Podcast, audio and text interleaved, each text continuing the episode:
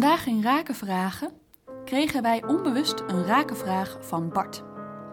Hij wilde graag een rake vraag bedenken voor de CZN-podcast, maar realiseerde zich dat hij alleen maar hoe-vragen kon bedenken. Een andere soort vraag lukte hem niet. De rake vraag van Bart luidt dan ook: hoe komt het dat ik alleen maar hoe-vragen kan stellen? Ja, Bart, moeilijke vraag. Moeilijke vraag. Maar wel interessant om er een antwoord op te geven.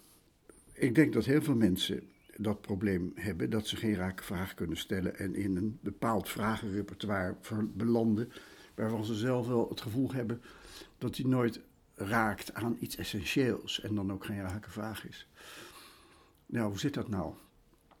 Nou, in deze tijd merk je dat allerlei mensen met complexe vragen zitten waar ze geen raad mee weten.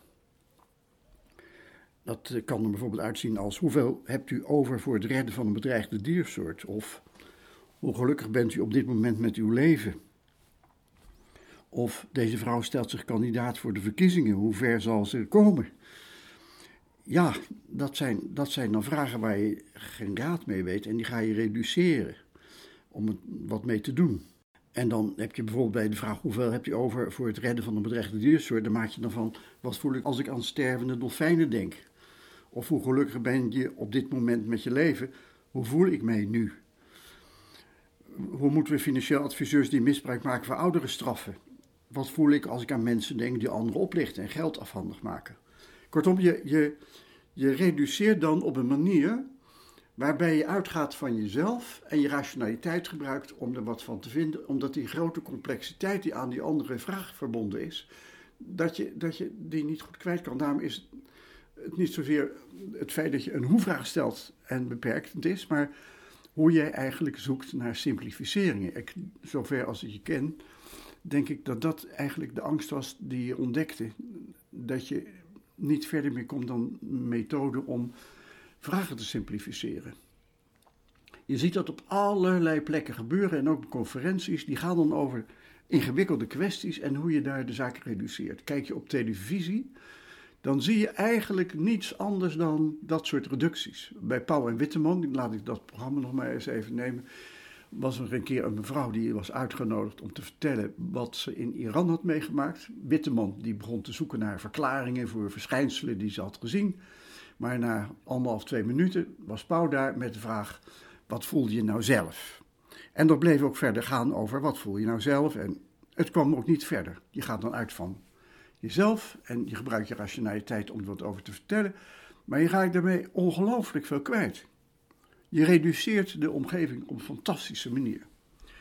Nou, dat doe je natuurlijk op allerlei manieren in het dagelijks leven. Iedereen doet dat. Hè. Je bent, als je uitgaat van jezelf en je gebruikt je nationaliteit, dan gooi je natuurlijk ongelooflijk veel weg. En als je uit zou gaan van een evolutionaire vorm van betekenisgeving, dat iets ontstaat in evolutie, dan kun je die reductie er niet op loslaten. En doe je dat wel, dan gooi je zoveel overboord dat je er vermoedelijk in mistast. Dus komt de patiënt bij een psychiater en die gaat zoeken naar uh, een verklaring. En die vindt hij niet en ziet het symptoom wat hij hoort als oorzaak. Het verschijnsel, de stoornis op zichzelf als oorzaak. En dan kan hij ermee verder en geeft dan, nou, een of ander medicijn. Of weet daar verder gaat mee, geeft dan ook een medicijn. Het zijn voortdurend dan de reducties die je toepassen. En die zijn verborgen onder de hoe-vraag, althans zoals ik denk dat je die hoe-vraag bedoelt en de angst die je voelde toen je niet verder kwam.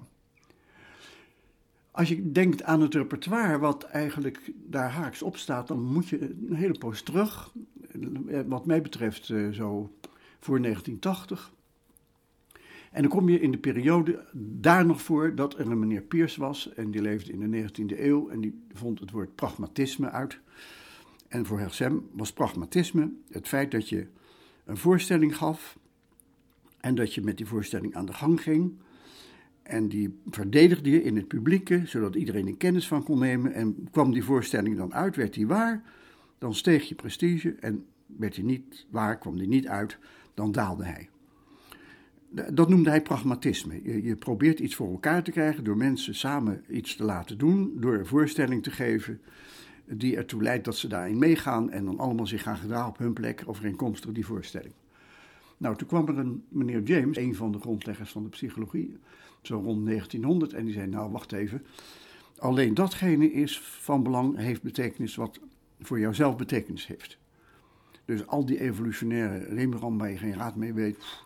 En ja, daarmee reduceerde hij allerlei vormen van betekenisgeving, de sociale en evolutionaire, naar wat zie ik erin, wat kan ik ermee en hoe ga ik er rationeel mee om. Nou, die vorm is geweldig gaan domineren in de vorige eeuw en die zag je eigenlijk na 1980 terugkomen. En als je nu kijkt op tv bijvoorbeeld, dan zie je dan één gesloten cascade van vragen die allemaal de bedoeling hebben te reduceren. En je ziet dus ook in programma's voor gemeenten bijvoorbeeld dat mensen geleerd wordt te voelen wat een probleem voor hen doet. Ze reduceren het probleem tot hoe zij erin zitten, bijvoorbeeld de burgemeester. En dan, wat zou die burgemeester nou uh, voelen bij dit of gene probleem en wat kan hij dan doen vanuit zijn persoonlijk repertoire. En daarmee is een heel groot probleem gereduceerd. Ja, als je er elke dag mee bezig bent op die manier, dan raak je ontzettend veel kwijt.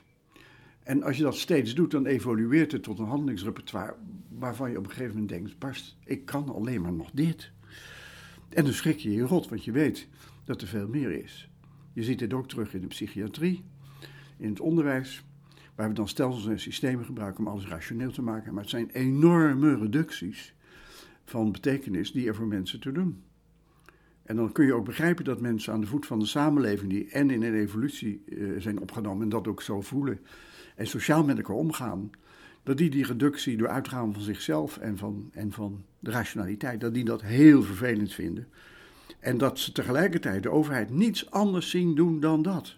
Kijk maar wat er nu gebeurt bij de kabinetsformatie en je zult het herkennen. Nou, er is niks mis mee als je hoe-vragen stelt. Het is niet goed als je daarmee zoveel kwijtraakt dat je er zelf last van krijgt. En tegelijkertijd is dat een fantastisch bericht voor jezelf, want dan is het nog niet verloren. Je kunt het herstellen, je hebt er gevoel bij. En dat is waar het om gaat. Ja, Bart, nou zie je dat het feit dat je geen rake vraag kon stellen toch een buitengewoon rijke, rake vraag te zijn. Hartelijk dank.